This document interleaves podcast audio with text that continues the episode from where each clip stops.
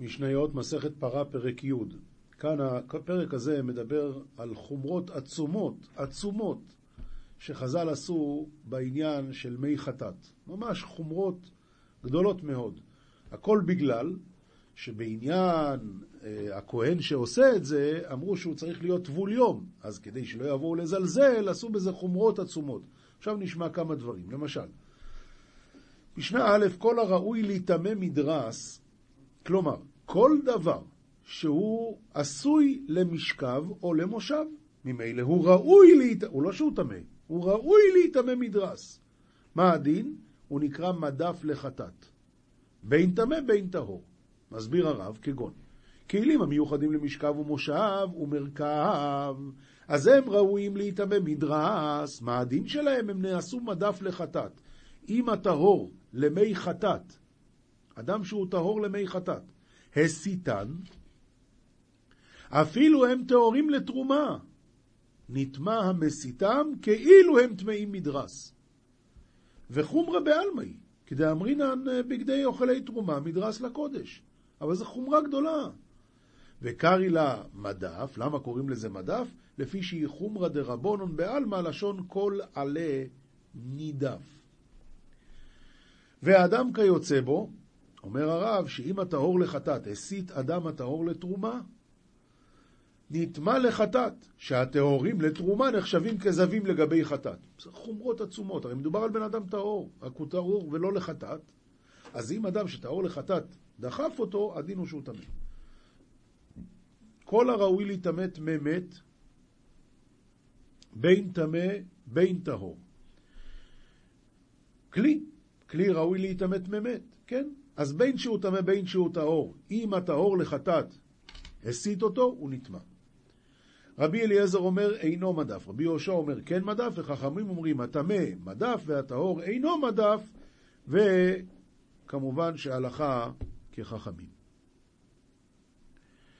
משנה ב' הטהור לחטאת שנגע במדף. כאן עוד חומרה. אומר הרב, אה, עליונו של זב קרוי מדף. אנחנו יודעים, עד עכשיו ידענו תמיד, משכב ומושב של זב, שהזב עליהם. עכשיו, מה הדין השמיכה שעל הזב? ויש עשר שמיכות. השמיכה העליונה, הזב בכלל לא נגע בה. בכל זאת היא טמאה מדי רבונו. עליונו של זב קרוי מדף, שאם היו על גבי הזב עשר מכסאות, זו על גבי זו, כולם טמאים מדף. זה טומאה דה רבנן. אפילו העליונה, שלא נגע בה הזב, טמאה. כשם שעשר מצעות זו על גב זו, ושכב הזב בעליונה, כולם טמאות דאורייתא, זה כשזה מתחתיו, שזה טומאת אה, משכב ומושב. אף על, אה, אה, כך המכסאות העליונות שעל גבי הזב טמאים דרבונון משום מדף, ואף על פי שלא נגע בהן. ואיכא בין משכב למדף, בכל זאת יש הבדל בין הטומאה שנקראת טומאת משכב לטומאת מדף שזה מדרבונון, שהמשכב נעשה אב הטומאה לטמא אדם וכלים, והמדף, שזה טומאה דרבנן, אינו אלא ולד הטומאה לטמא אוכלין ומשכין. אלא משום חומרה דחטאת, אדם וכלים שנגעו במדף טמאים לחטאת. אבל בדרך כלל, לא. המדף מטמא רק אוכלין ומשכין. לגין של חטאת שנגע במדף. לגין זה נקרא כלי שטף. כלי שטף זה אומר כלי מתכת למשל, שאם הם נטמעו אז שוטפים אותם במים והם נטהרים. אז לגין של חטאת שנגע במדף טמא, למרות שהוא כלי, ואמרנו שבדף בדרך כלל לא מטמא כלי, אבל כאן, בגלל שזה לעניין אה, מי חטאת, כן. הטהור לחטאת, שנגע באוכלים ומשקים בידו, טמא, וברגלו, טהור. הסיתן בידו, אז רבי יהושע מטמא וחכמים מטהרים. משנה ג' כלל של חטאת, כלל זה כלי חרס של חטאת שנגע בשרץ, הדין הוא שטהור, כי כלי חרס מטמא רק מתוכו ולא מגבו. נתנו על גביו, כאן כבר יש חומרה, רבי אליעזר מתאר וחכמים מטמאים, למה? אומרים חכמים, משום דמונח במקום טמא, והתורה אמרה, והניח מחוץ למחנה במקום טהור. אז שוב פעם, זו חומרה של החטאת, של המי חטאת. אה, נגע באוכלים ומשקים ובכתבי הקודש טהור. זה אם הוא נגע. מה הדין אבל נתנו על גביהם? רבי יוסי מתאר וחכמים מטמאים. משנה ד' הטהור לחטאת שנגע בתנור בידו, טמא. תנור זה, אומר הרב, ואפילו הוא טהור לקודש, התנור. לקודש, אבל לא לחטאת. אם נגע בו הטהור לחטאת, טמא, וצריך טבילה לחטאת. שהטהור לקודש פוסל בחטאת. ודווקא שיגע, שנגע בידו, דנטמעו ידיו ונטמע גופו.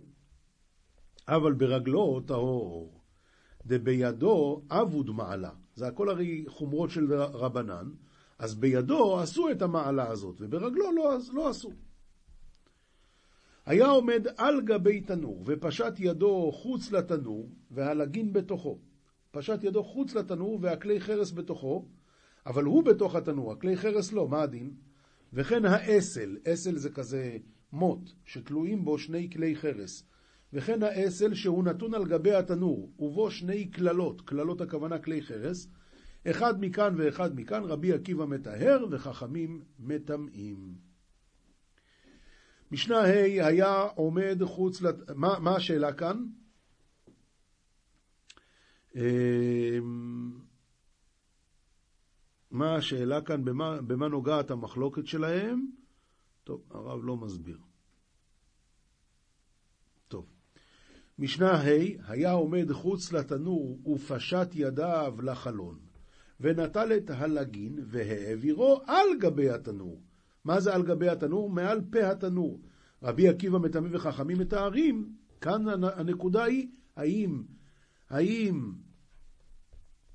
אה,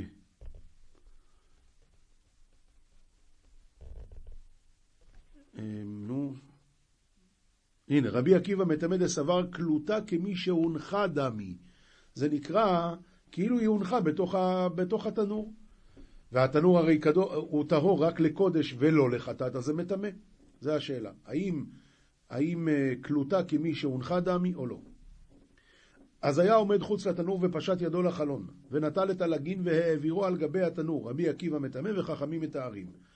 אבל עומד הוא הטהור לחטאת על גבי תנור, ובידו כלי ריקן, הטהור לחטאת בלי מי חטאת, או במים שאין מקודשים, אז אין בעיה. כל הבעיה זה כשיש בפנים את האפר חטאת, או את המים המקודשים לחטאת. כל, רק אז עשו את המעלות האלה. משנה ו' לגין של חטאת שנגע בשל קודש ושל תרומה. שוב, לא מדובר שנגע בטומאה, נגע בטהור, רק זה טהור רק לקודש או לתרומה, של חטאת טמא ושל קודש ושל תרומה טהורין. ש... שניהן בשתי ידיו, שניהם טמאים. למה? אומר הרב, של חטאת משום דנגע בשל תרומה בידו, ונטמעו ידיו, ונטמע גופו, ומטמא מי חטאת. ושל תרומה טמא משום נושא מי חטאת. מי שנושא את מי חטאת נטמע, אז האדם שנגע כבר מטמא גם את הכלים האלה.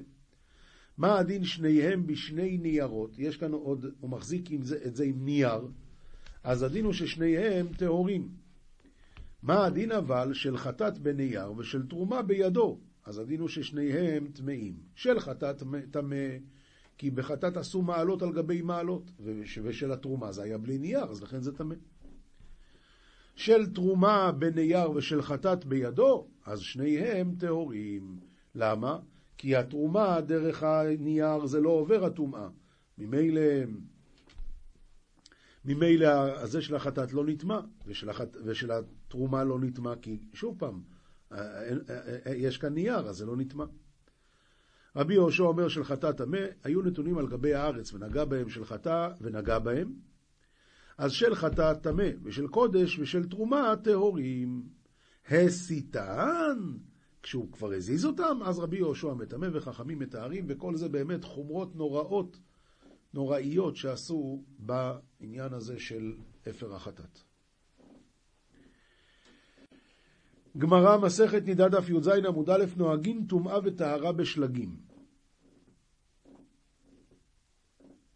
תנן התם, שלג אינו לא אוכל ולא משקה. חישב עליו לאכילה, אינו מטמא טומאת אוכלין, ואם למשקה, מטמא טומאת משקין. נטמע מקצתו, לא נטמע כולו, כיוון שזה גרגירים, אז זה לא מטמא. נטהר מקצתו, אז כן נטהר כולו. אומר הרש"י, אם חישב עליו לאוכל, אז זה לא מקבל טומאת אוכלין. אבל אם חישב עליו למשקה, זה מקבל טומאת משקין. למה? דקרוב הוא להיות משקה יותר מאוכל. מה הדין אם נטמע גרגיר אחד, לא נטמע כולו. למה? אומר רש"י, דאינו חיבור, אלא כל קורט בפני עצמו הוא חשוב, ואינו טמא, אלא מקום מגע הטומאה. לעומת זאת נטהר מקצתו, אז נטהר כולו, כגון חישב עליו למשקה ונטמע, טומאת משכין. סלקה לי השקה במקווה כשאר מים, ולא משום טבילה. דאין אוכל ומשקה נטהרין במקווה, דלא כתיב טבילה, אלא באדם וכלים. אלא, סליחה, אה, אה, מקווה זה טוב רק לאדם וכלים. אז מה עושים פה את ההשקה הזאת? אבל יין ולא שום משקה, אין להם טהרה אלא מים ומשום זריעה. וכי מה שקלעו, אבלהו חיבור מים שבכלי עם מי המקווה, ובטילו להו גביו, כדתנן שתילי תרומה שנטמעו ואשתלן, טהרו מלהיטמא. עלמא מטהרה להו זריעה, ומים במים זוהי זריעתן. זהו. אז ממילא נטהר מקצתו, נטהר כולו, שלא נגוע מים אלא בפי הכלי, כבר נטהר כולו, כי זה כבר נקרא זה כבר נקרא הזריעה לכולו. אומרת הגמרא, הגוף הקשיא. בצד אחד אתה אמרת, נטמע מקצתו, לא נטמע כולו, והדרתני נטהר מקצתו, כן נטהר כולו. אז למימרא דנטמע כולו, למה? אבל זה לא היה טמא. אומר אביי, כגון שהעבירו על אוויר תנור, ובתנור היה שרץ, אז שם זה כבר נטמע. הכל נטמע. ואז, על ידי ההשקה, זה כמו זריעה והכל נטהר. דהתורה העידה על כלי חרס, אפילו מלא חרדל, שהכל נטמע. אוויר של כלי, חיר, כלי חרס מטמא, והכל נטמע. אף על פי שרק הגרגירים שנוגעים בדפנות הם נוגעים, אבל כל השאר נטמע כי זה אוויר כלי חרס. אז ככה אם הוא העביר את השלג מעל כלי חרס, באוויר של כלי חרס, ממילא הכל נטמע, אבל על ידי השקה על המים הכל נטהר. זוהר, פרשת יתרו, דף פט עמוד א', אומר רבי יהודה אחי הוא ודאי, כך זה ודאי. ועל דה כתיב זכור את יום השבת לקדשו, וכתיב קדושים תהיו כי קדוש אני השם, וכתיב וקראת על השבת עונג, לקדוש השם מכובד. תנא, בהאי יומא, כל נשמתי הון דצדיקאיה מתעדנים בתפנוקי עתיקה קדישא סתימה דכל סתימין. ביום הזה נשמות הצדיקים מתעדנים בתפנוקי עתיקה קדישא, סתום מכל הסתומים. ורוחא חדא מעינוגא דההוא עתיקא קדישא מתפשטא, ורוח אחד מתוך העניין הזה מתפשטת בעולם, בכולו עלמין, בכל העולמות, וסלקא ונחתא ומתפשטא לכולו בני קדישין, ועולה ויורדת ומתפשטת בכל הבנים הקדושים.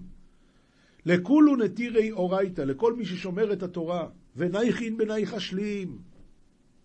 ונייכין בנייך אשלים ונחים במנוחה שלימה, ומיתנישי מכולו רוגזין, כל דינין וכל פולחנין קשין. ונשתכח מכולם כל רוגזין, כל דינים וכל עבודות קשות. הדאו דכתיב ביום הניח השם לך מעוצבך ומרוגזך ומן העבודה הקשה. בגין כך, שקיל שבתא לקבל אורייתא. לכן שקולה השבת כנגד כל התורה. וכל דנתיר שבתא, כאילו נתיר אורייתא כולה. מי ששומר שבת כאילו שומר את כל התורה. וכתיב אשרי אנוש יעשה זאת, ובן אדם יחזיק בה. שומר שבת מיחללו, ושומר ידו מעשות כל רע. ישתמא דמאן שבת, כמאן דנתיר אורייתא כולה.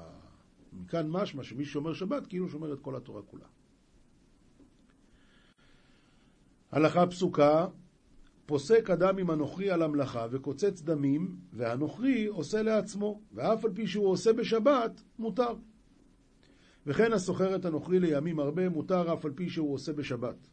כיצד? כגון ששכר הנוכרי לשנה או לשתיים שיכתוב לו או שיהרוג לו, הרי זה כותב והורג בשבת ומותר, זה נקרא בקבלנות. הוא לא אמר לו זה, שנתיים.